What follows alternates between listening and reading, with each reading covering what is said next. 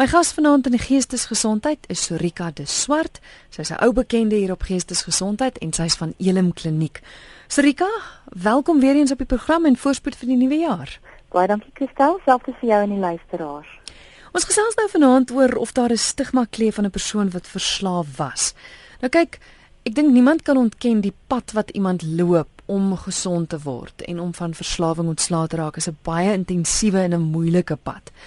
Is daar iets soos 'n stigma wat kleef?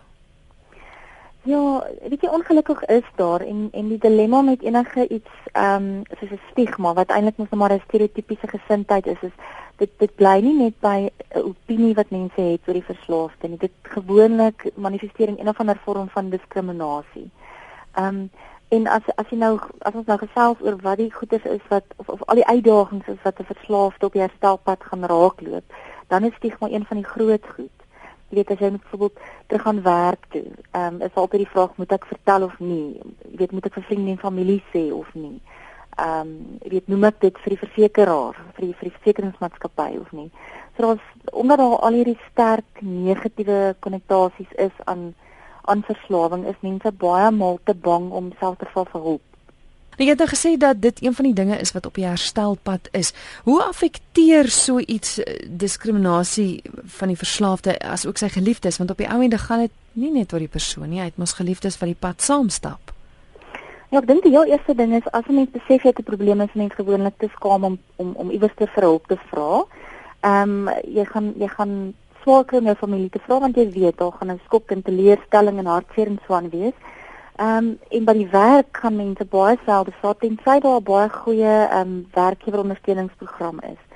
Ehm um, maar selfs dan is hulle is hulle redelik versigtig om te vra want mense is nie altyd seker dat wanneer jy gaan praat met jou werkgewerondersteuner, ehm um, as daar so 'n program is, dat daai inligting nie noodwendig by jou werkgewer gaan uitkom nie. So in die eerste plek dink ek weerhou dit mense daarvan om om te vra vir hulp. Ehm um, en tweede ding tweede plek dink ek daar's ook 'n persepsie dat rehabilitasie nie werk nie en weet eens 'n verslaafde altyd 'n verslaafde. So dit breek ou se moed nog voordat hmm. jy eintlik begin met jou rehabilitasieproses.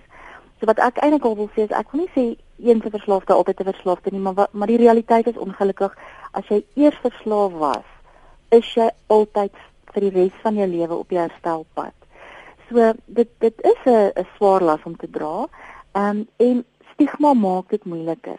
Dit as jy byvoorbeeld kyk na mediese fondse, daar's daar's mediese fondse wat betaal ten volle 100% betaal hulle hulle betaal selfs vir 'n paar nasorgsessies um, as buitepasiënte en so aan. Maar daar's byvoorbeeld nie 'n enkele mediese fonds op die stadium wat betaal vir um, medikasie wat spesifiek gebruik word, byvoorbeeld vir 'n heroïneverslaafde nie. Ehm um, wat ons noem die die maintenance medikasie nie. So vir ander kroniese siekte toestande. Enige iets, weet van ADHD tot depressie is daar spesifieke medisyne wat mediese fondse sal betaal. Ehm um, maar hulle betaal nie hierdie spesifieke medikasies vir ehm um, wat wat gebruik word by mense wat verslaaf is nie. So die die ehm um, en, en die interessante ding is dat sou hulle byvoorbeeld betaal vir maintenance medikasie. Ehm um, en ek sal nou verduidelik presies wat dit is dan wys die navorsing vir ons en die statistieke wys vir ons dat as jy nou ordentlik betaal vir rehabilitasie en jy help die persoon om sy nasorg medikasie in die hande te kry en daar en dit word betaal dan is al later jy weet later jare is daar baie minder van hierdie ernstige fisiese en psigiatriese issues waarvoor die mediese fondse dan moet betaal. So die die feit dat hulle erg wil bespaar op die persoon wat verslaaf is, ehm um, op die ou ende jy weet, is dit 'n valse ekonomie want dit kos soveel dan vir mense wat Korsakoffs het, wat 'n uh, vroeë demensie begin ontwikkel, wat pankreatitis het lewerversaking en al daai tipe van goeters. So ek dink die eerste ding is mense is bang om te vra vir hulp. Wanneer jy vra vir hulp, kry mens nie noodwendig dieselfde tipe voordele as by ander kroniese siektes nie. Ehm um, en miskien die laaste ding wat ek kan sê is families is ook bang om om te vra vir ondersteuning of vir hulp want daar's daar's baie mal hierdie stigma wat sê maar as jou kind dwelms gebruik is dit omdat jy nie 'n goeie ouer is nie. Mm, ehm um, so so mense is, is bang vir hierdie negatiewe stereotypes wat wat na hulle kant toe gaan kom. En dit is eintlik so jammer want ek dink mens moet juist jou hoed afhaal vir iemand wat besluit het ek draai om. Ek verander my lewe en ek is bereid om om die harde pad te stap en en my lewe skoon te hou. Dit is my eintlik jammer dat mens dan so ou jy weet oordeel en dit nog moeiliker maak eintlik. Dis dis baie jammer en as mens in gedagte hou dat dit is 'n siekte toestand. Baie jare gelede, op 60 jaar gelede was was die grootste hoeveelheid mense, selfs professionele persone het op daai stadium nog geglo maar weet jy wat as jy alkoholist is of jy gebruik medikasie oormatig of jy gebruik dwelms, dan is dit eintlik 'n issue rondom morele verval. Weet jy het net nie selfbeheersing nie. Ehm um, daar's iets te doen, iets fout met jou waardesisteem. Ons het baie ver gevorder op hierdie pad wat byvoorbeeld alkohol en dwelms aanbetref. Daar is ten minste onder professionele persone dink ek is daar 'n 'n uh, eenhorigheid, 'n samehorigheid. Ons weet dit is 'n dit is 'n werklike fisiese mediese kondisie. Ehm um, wat dan ook met medikasie en terapie behandel word.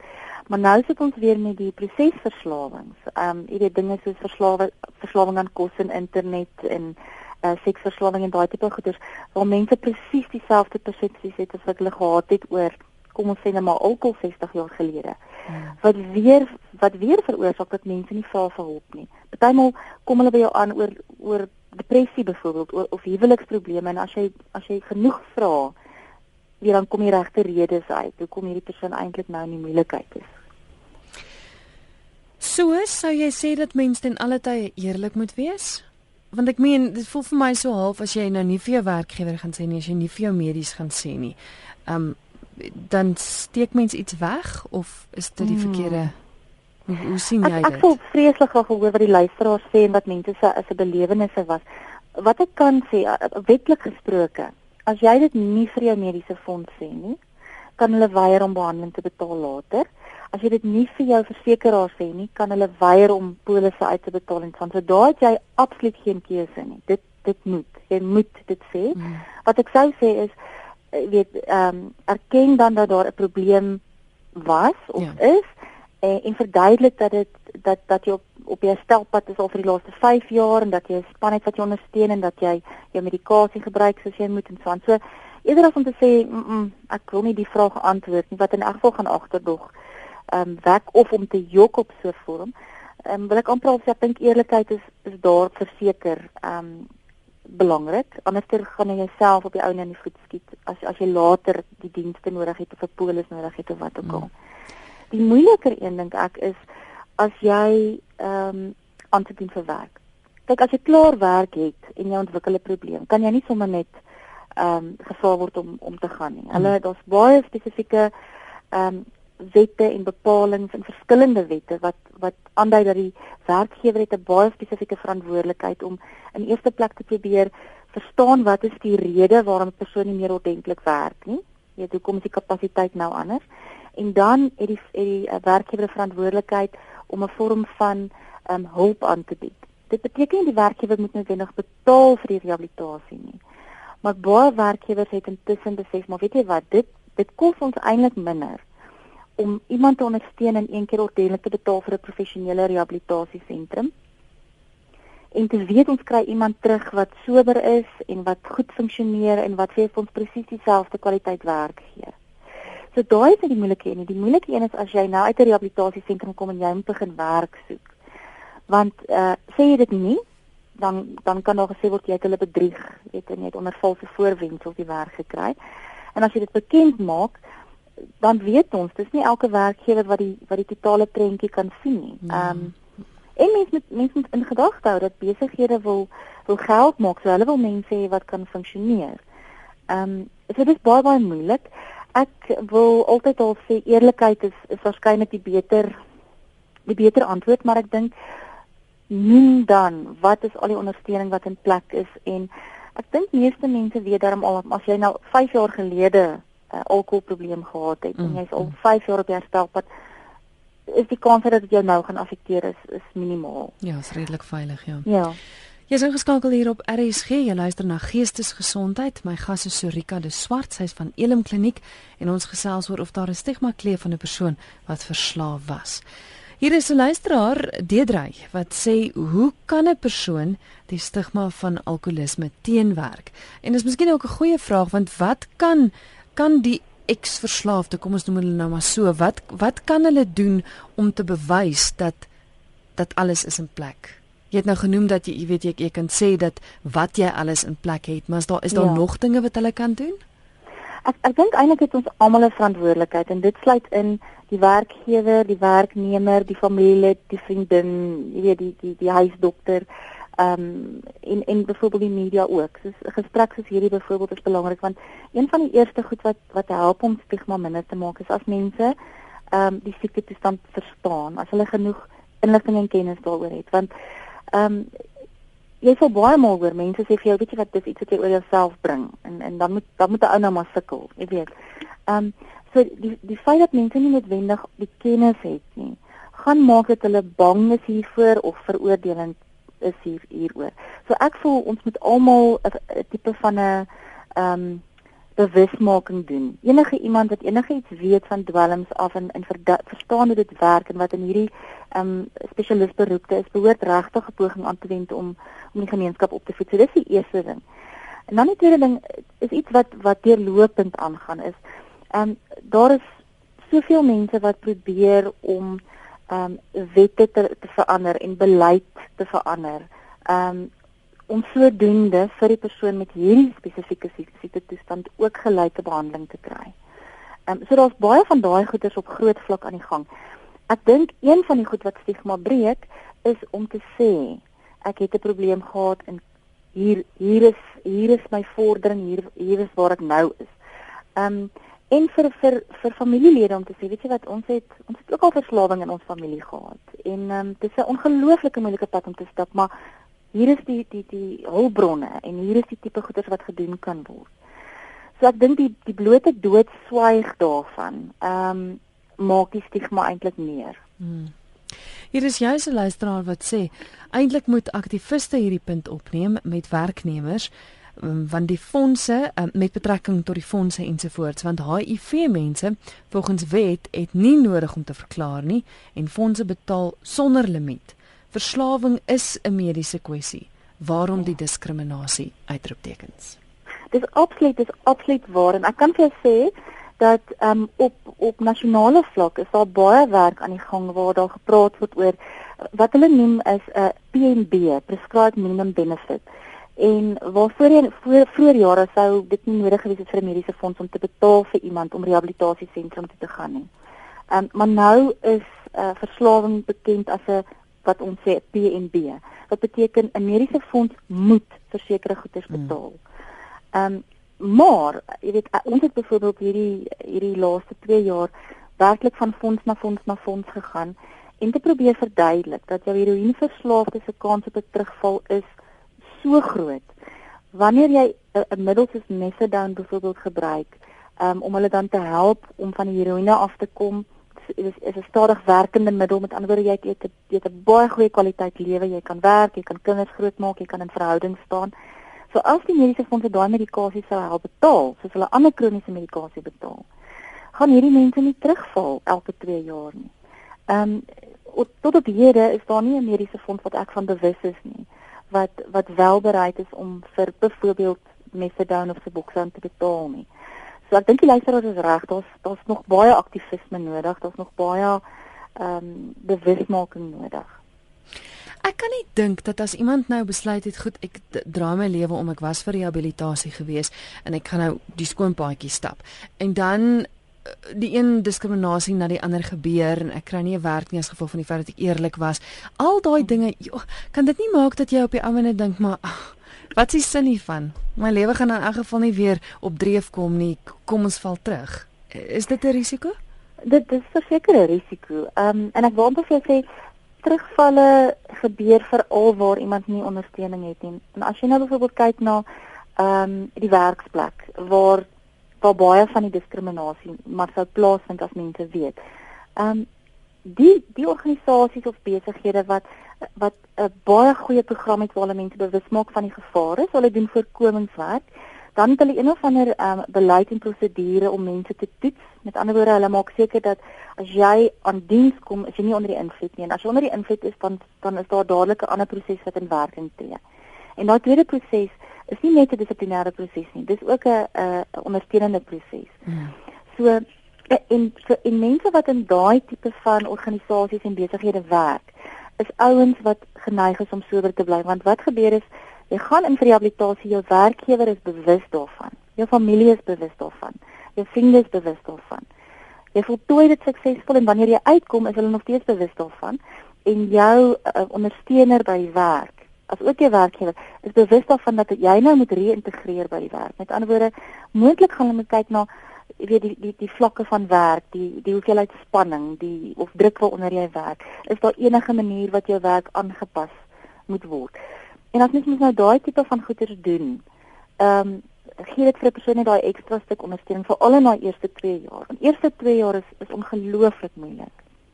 Vir mense wat by besighede werk waar daar regtig omgegee word en en en voorkomend gewerk word en remedieer remedierend gewerk word, is mense wat ehm um, baie minder terugval. Mm. So wat jy vir my sê is moet dit nie alleen doen nie moet dit nie alleen doen nie. Dit dit dit bly 'n bitter moeilike ding, ehm um, of jou werkgewer moet weet of nie. Wat ek amper wil sê is daar's 'n paar buffers ehm um, teen herstel en ek dink as mense hierdie buffers of of hierdie ehm um, ja, veiligheidsnette amper. As jy hierdie veiligheidsnette span vir jou, dan is jou kans vir 'n terugval is skraler en as jy iemand is wat kan opstaan en sê vandag is ek 2 jaar skoon, 5 jaar skoon, 10 jaar skoon, soos wat ons baie maal kry 22 en 23 jaar dit is die tipe goed wat stigma wat wat stigma kan verander. Is mense wat opstaan en sê, weet jy wat, ek 22 jaar gelede uh was ek in rehabilitasie en ek vandag nog, is ek nog sober. Nou daar's 'n daar's 'n klomp goedjies. As ek miskien net eers sê daar's daar's min of meer 3 fases in in hierdie herstelpad en elke fase het sy eie baie spesifieke uitdagings. Ehm um, die eerste fase is wanneer jy die die die die middel ophou gebruik. Ek meen dit is baie moeilik want nou is daar onttrekkingssimptome. Ehm um, dit kan medies en fisies baie baie gevaarlik wees en op daai stadium wat jy die middel stop, is jy gewoonlik dan 'n binne pasiënt of jy probeer dit op jou eie doen. Ehm um, maar maar gewoonlik is die familie in die werk teen daai tyd nou redelik um, moeg vir moeg gesukkel met hou. As jy dit dan gedoen het, ons ons verwys daarna as early abstinence. So dis jou vroeë herstelpad. Dan min of meer ehm um, binne 2 jaar begin jy met wat ons noem late abstinence. Dis daai ek leef van dag tot dag. Ek probeer net weer vandag kom sonder om terug te val. Ehm um, en dan is daar 'n klomp goeders wat 'n mens kan doen om jou te help.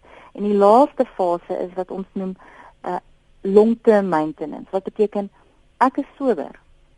Eendag lank lank gelede was ek in 'n rehabilitasiesentrum, maar ek het soveel nuwe vaardighede aangeleer dat ek die lewe nou anders kan hanteer en dan dan kan mense lewe in totale oorvloed leef. Jy weet, mm. dit is nie ehm um, 'n siekte wat jou ek wil amper sê die billetyd nie. Jy kan dit uh, as jy dit natuurlik nie beheer nie, dan dan gaan dit jou onbevoeg maak en siek maak, maar as jy dit beheer en bestuur en op jou hoede bly, dan leef mense ongelooflike vol lewens. Mm.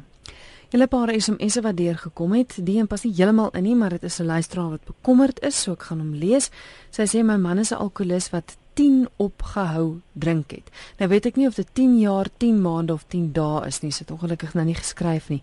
Sy sê in die hmm. laaste tyd drink hy soms iets sterk. Het ek rede tot kommer? Ehm um, ek wil amper sê dat as iemand bekommerd is en as as mens bekommerd genoeg is om die vraag te vra, dan is daar waarskynlik klein waarskuwingstekens, self dinge waarop jy nie noodwendig jou vinger kan sit nie, maar dan is daar gewoonlik iets wat jou bekommer. Nou wat ek gewoonlik sou sê as 'n goue reël is, as hierdie persoon vir wie jy lief is of wat wat vir jou werk of wat ook al, se gedrag begin verander. Enige verandering of dit te doen het met ehm um, persoonlikheidsverandering of emosionele, jy weet nou nou is die persoon dalk baie depressief of die gedrag begin verander. Ehm um, dan sal ek bekommerd wees want dit beteken iets is aan die gang. Iets versteur daai persoon se ekwilibrium en dit dit is heeltemal moontlik dat dit kan alkohol wees. So ek sou miskien die vraag vra. Mm. Ek sou vra. Mm. het het ek rede om bekommerd te wees want ek sien dat dit en dit en dit in jou gedrag hierdie laaste tyd verander of jy lyk vir my depressief. Mm. Ja, daai tipe van. 'n Luisteraar sê een van my kollegas was onlangs toegesluit vir 2 maande vir dwelms. Dit het hom heeltemal verander. Hy lieg konstant en almal sukkel om hom te vertrou waar hy voorheen 'n opregte eerlike mens was. Kan dit wees dat hy nie vir ons dat hy nie vir mense wil laat weet nie en daardeur die verandering in sy gedrag. Dankie. Ehm um, ek ek hoop ek verstaan die vraag reg. as jy as as die luisteraar sê opgesluit dan neem ek aan dit was 'n nie vrywillige behandeling of dit was in gevangenis. Ja, ek verstaan so, dit ook so. Ek is nie 100% seker nie, maar ek dink miskien kan ek net die parallel trek dat dis juist die verskil tussen 'n vrywillige opname en 'n nie vrywillige opname of iemand wat toegesluit word in 'n gevangenis as gevolg van byvoorbeeld dwelms is by die een kry jy kwaliteit terapie en jy, jy ontwikkel nuwe vaardighede. By die ander een, ons weet in ons gevangenisse is is dwelms ook baie beskikbaar en ehm um, terapie is is skaars, die weet die gevangenisse is oorbevolk. So mense kom baie maal ongelukkig uit daardie omgewing uit met meer probleme as voorheen. Ehm um, want jy word verskillende mense met verskillende tipe van probleme en gedrag en geskiedenisse word saamgegooi. So ek ek kan nie my uitspreek oor die spesifieke individu nie. Ehm um, maar ek dink as daar 'n uh, verandering is in persoonlikheid en en in gedrag, dan moet dit ehm um, ondersoek word. Dit is nie noodwendig dwelms nie, weet nie. Ja. Daar's baie dinge wat 'n ou se gedrag kan kan verander. Ja.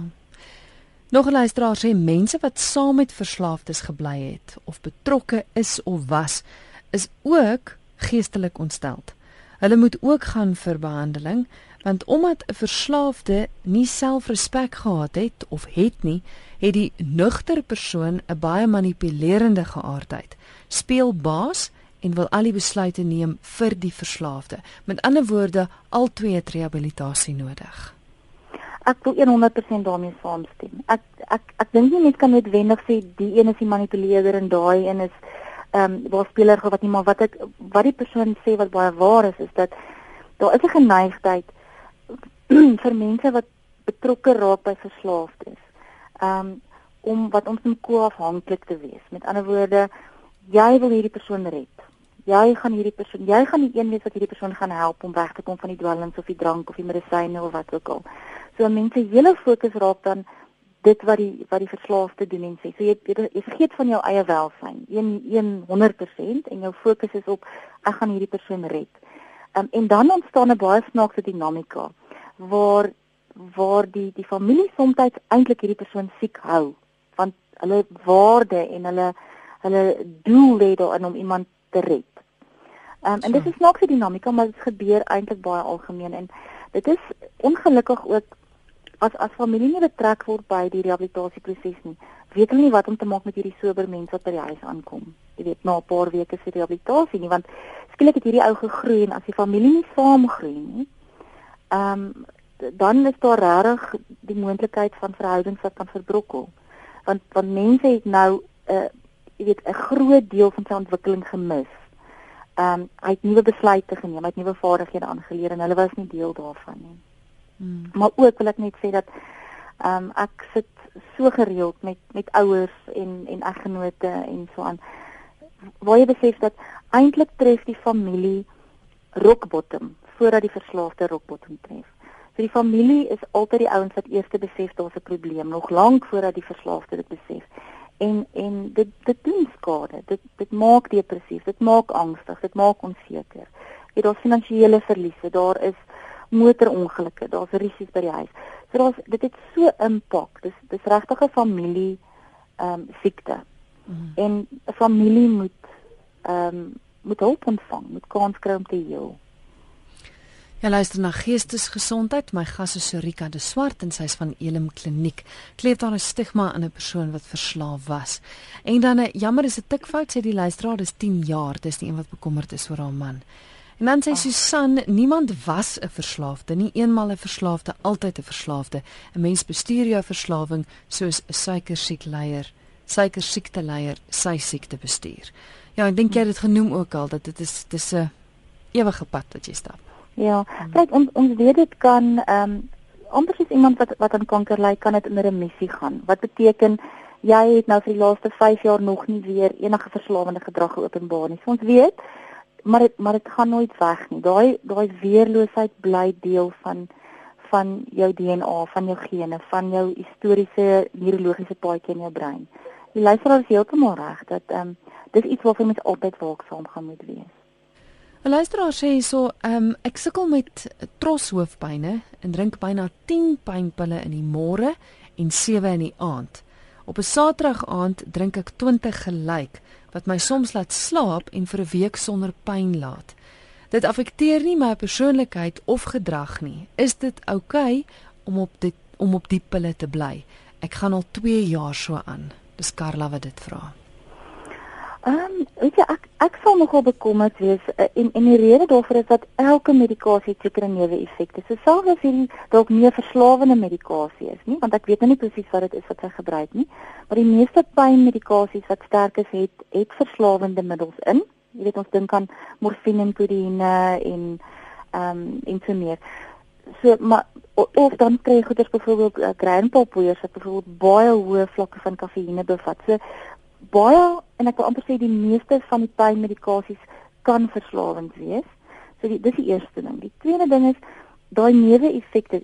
Sekere hoeveelhede as jy meer gebruik as wat voorgeskryf word of aanbeveel word, is dit vir 'n baie spesifieke rede gevaarlik. En dit is dat jou liggaam kan nie daai middel vinnig genoeg deur jou lewer en jou en jou niere werk nie. So eintlik is jy stadig besig om jou liggaam te vergiftig.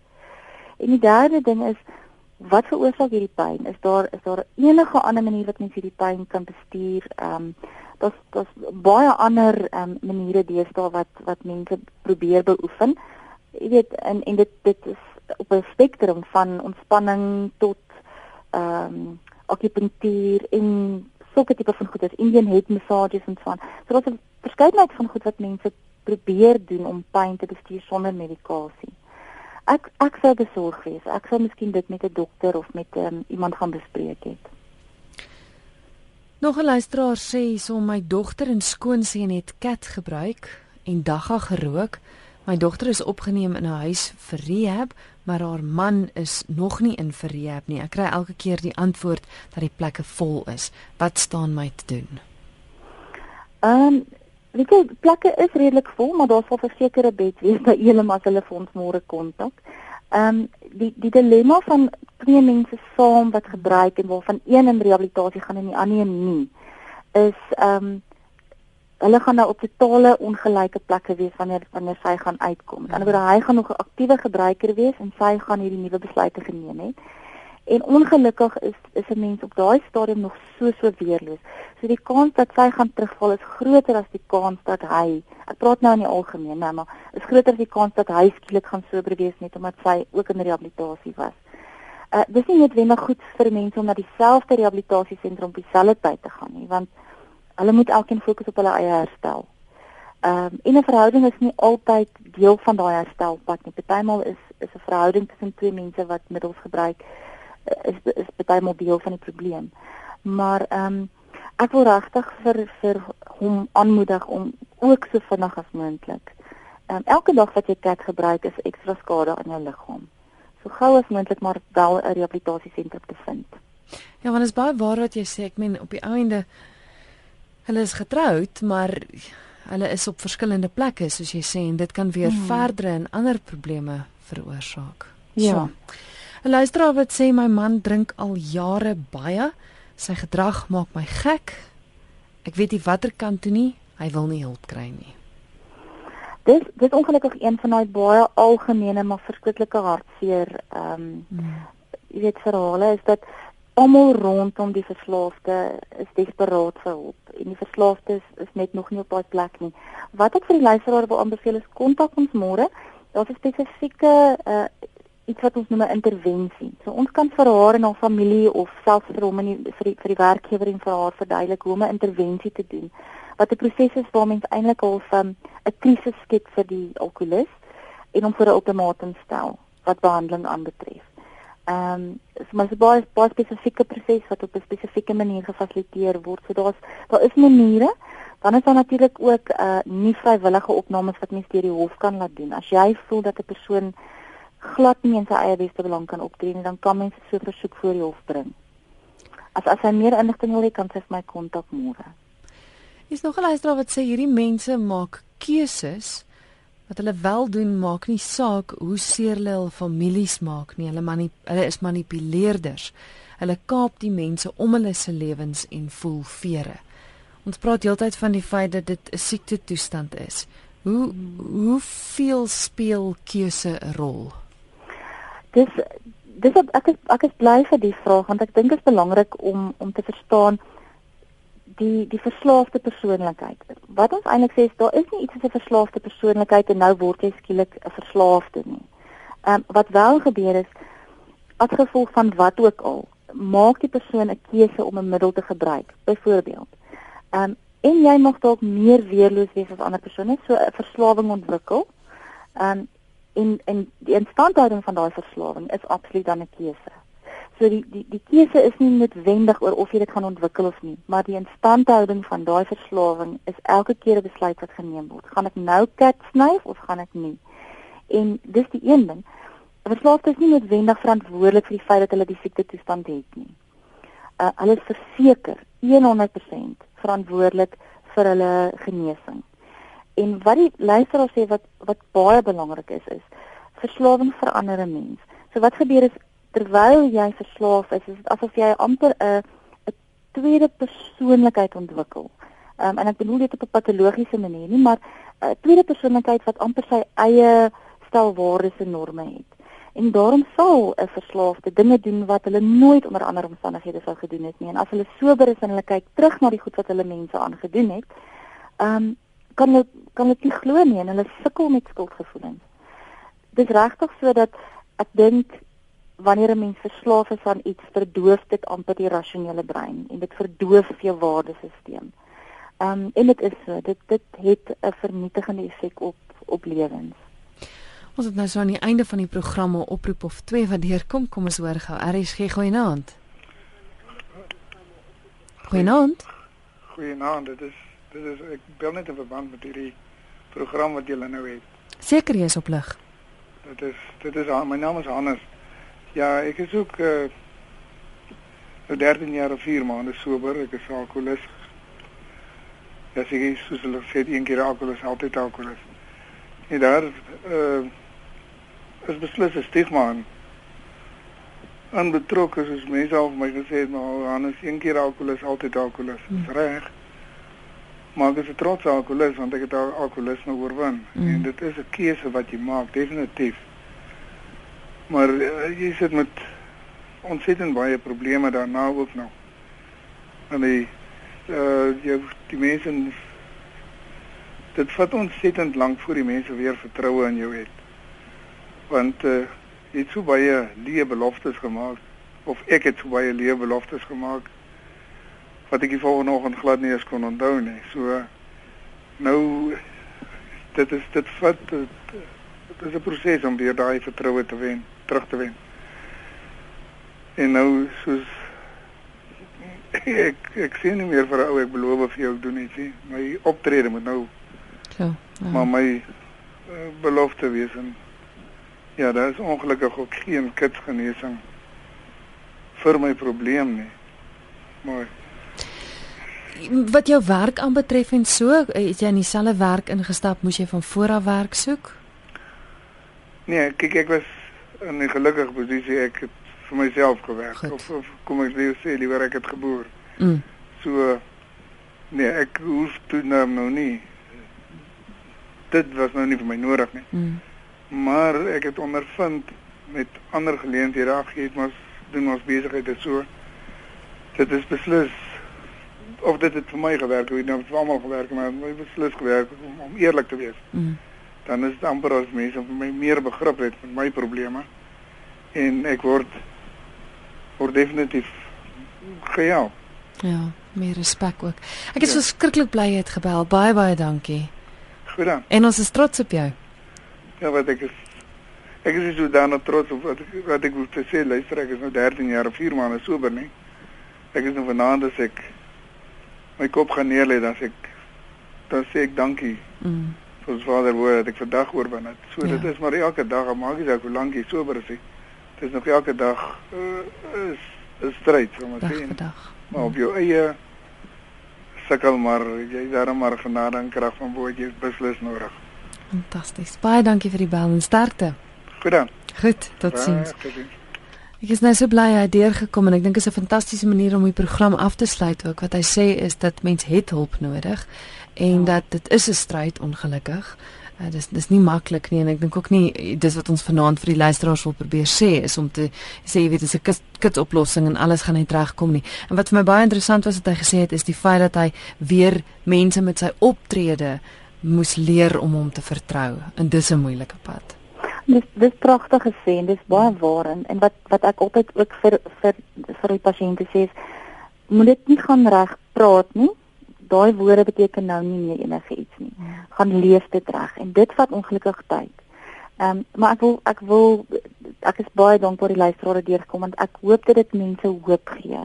Ongeag die stigma, ongeag, ongeag die uitdagings. Ehm um, dit kan gedoen word. Ja. Dit kan verseker gedoen word. Absoluut. Sorika, baie dankie. Vinnig gou kontakbesonderhede. Ek weet vroeër het jy vir een van die luisteraars gesê om om te kyk of of jy hulle kan help met 'n plekkie. Waar kry die mense julle aan die hande? Ehm um, julle kan ons kontak op 011 975 2951. Ehm um, of julle kan ons kontak deur ons webwerf, dis uh, www.elimklin.co.za. Sorika, baie dankie. Baie dankie Kristel. Lekker aand verder. Dis Sorika de Swart met wie ek gesels het. Sy is van Elim Kliniek en uh, ja, sy het nou die telefoonnommer gegee. Dit is 011975 2951 die e-pos is www.elimklin.co.za of dis die webwerf eerder. Anders as jy nie gou genoeg papier het en so nie, gaan net op een van die soek engines in en en tik in Elim Kliniek en jy sal vir hulle kry.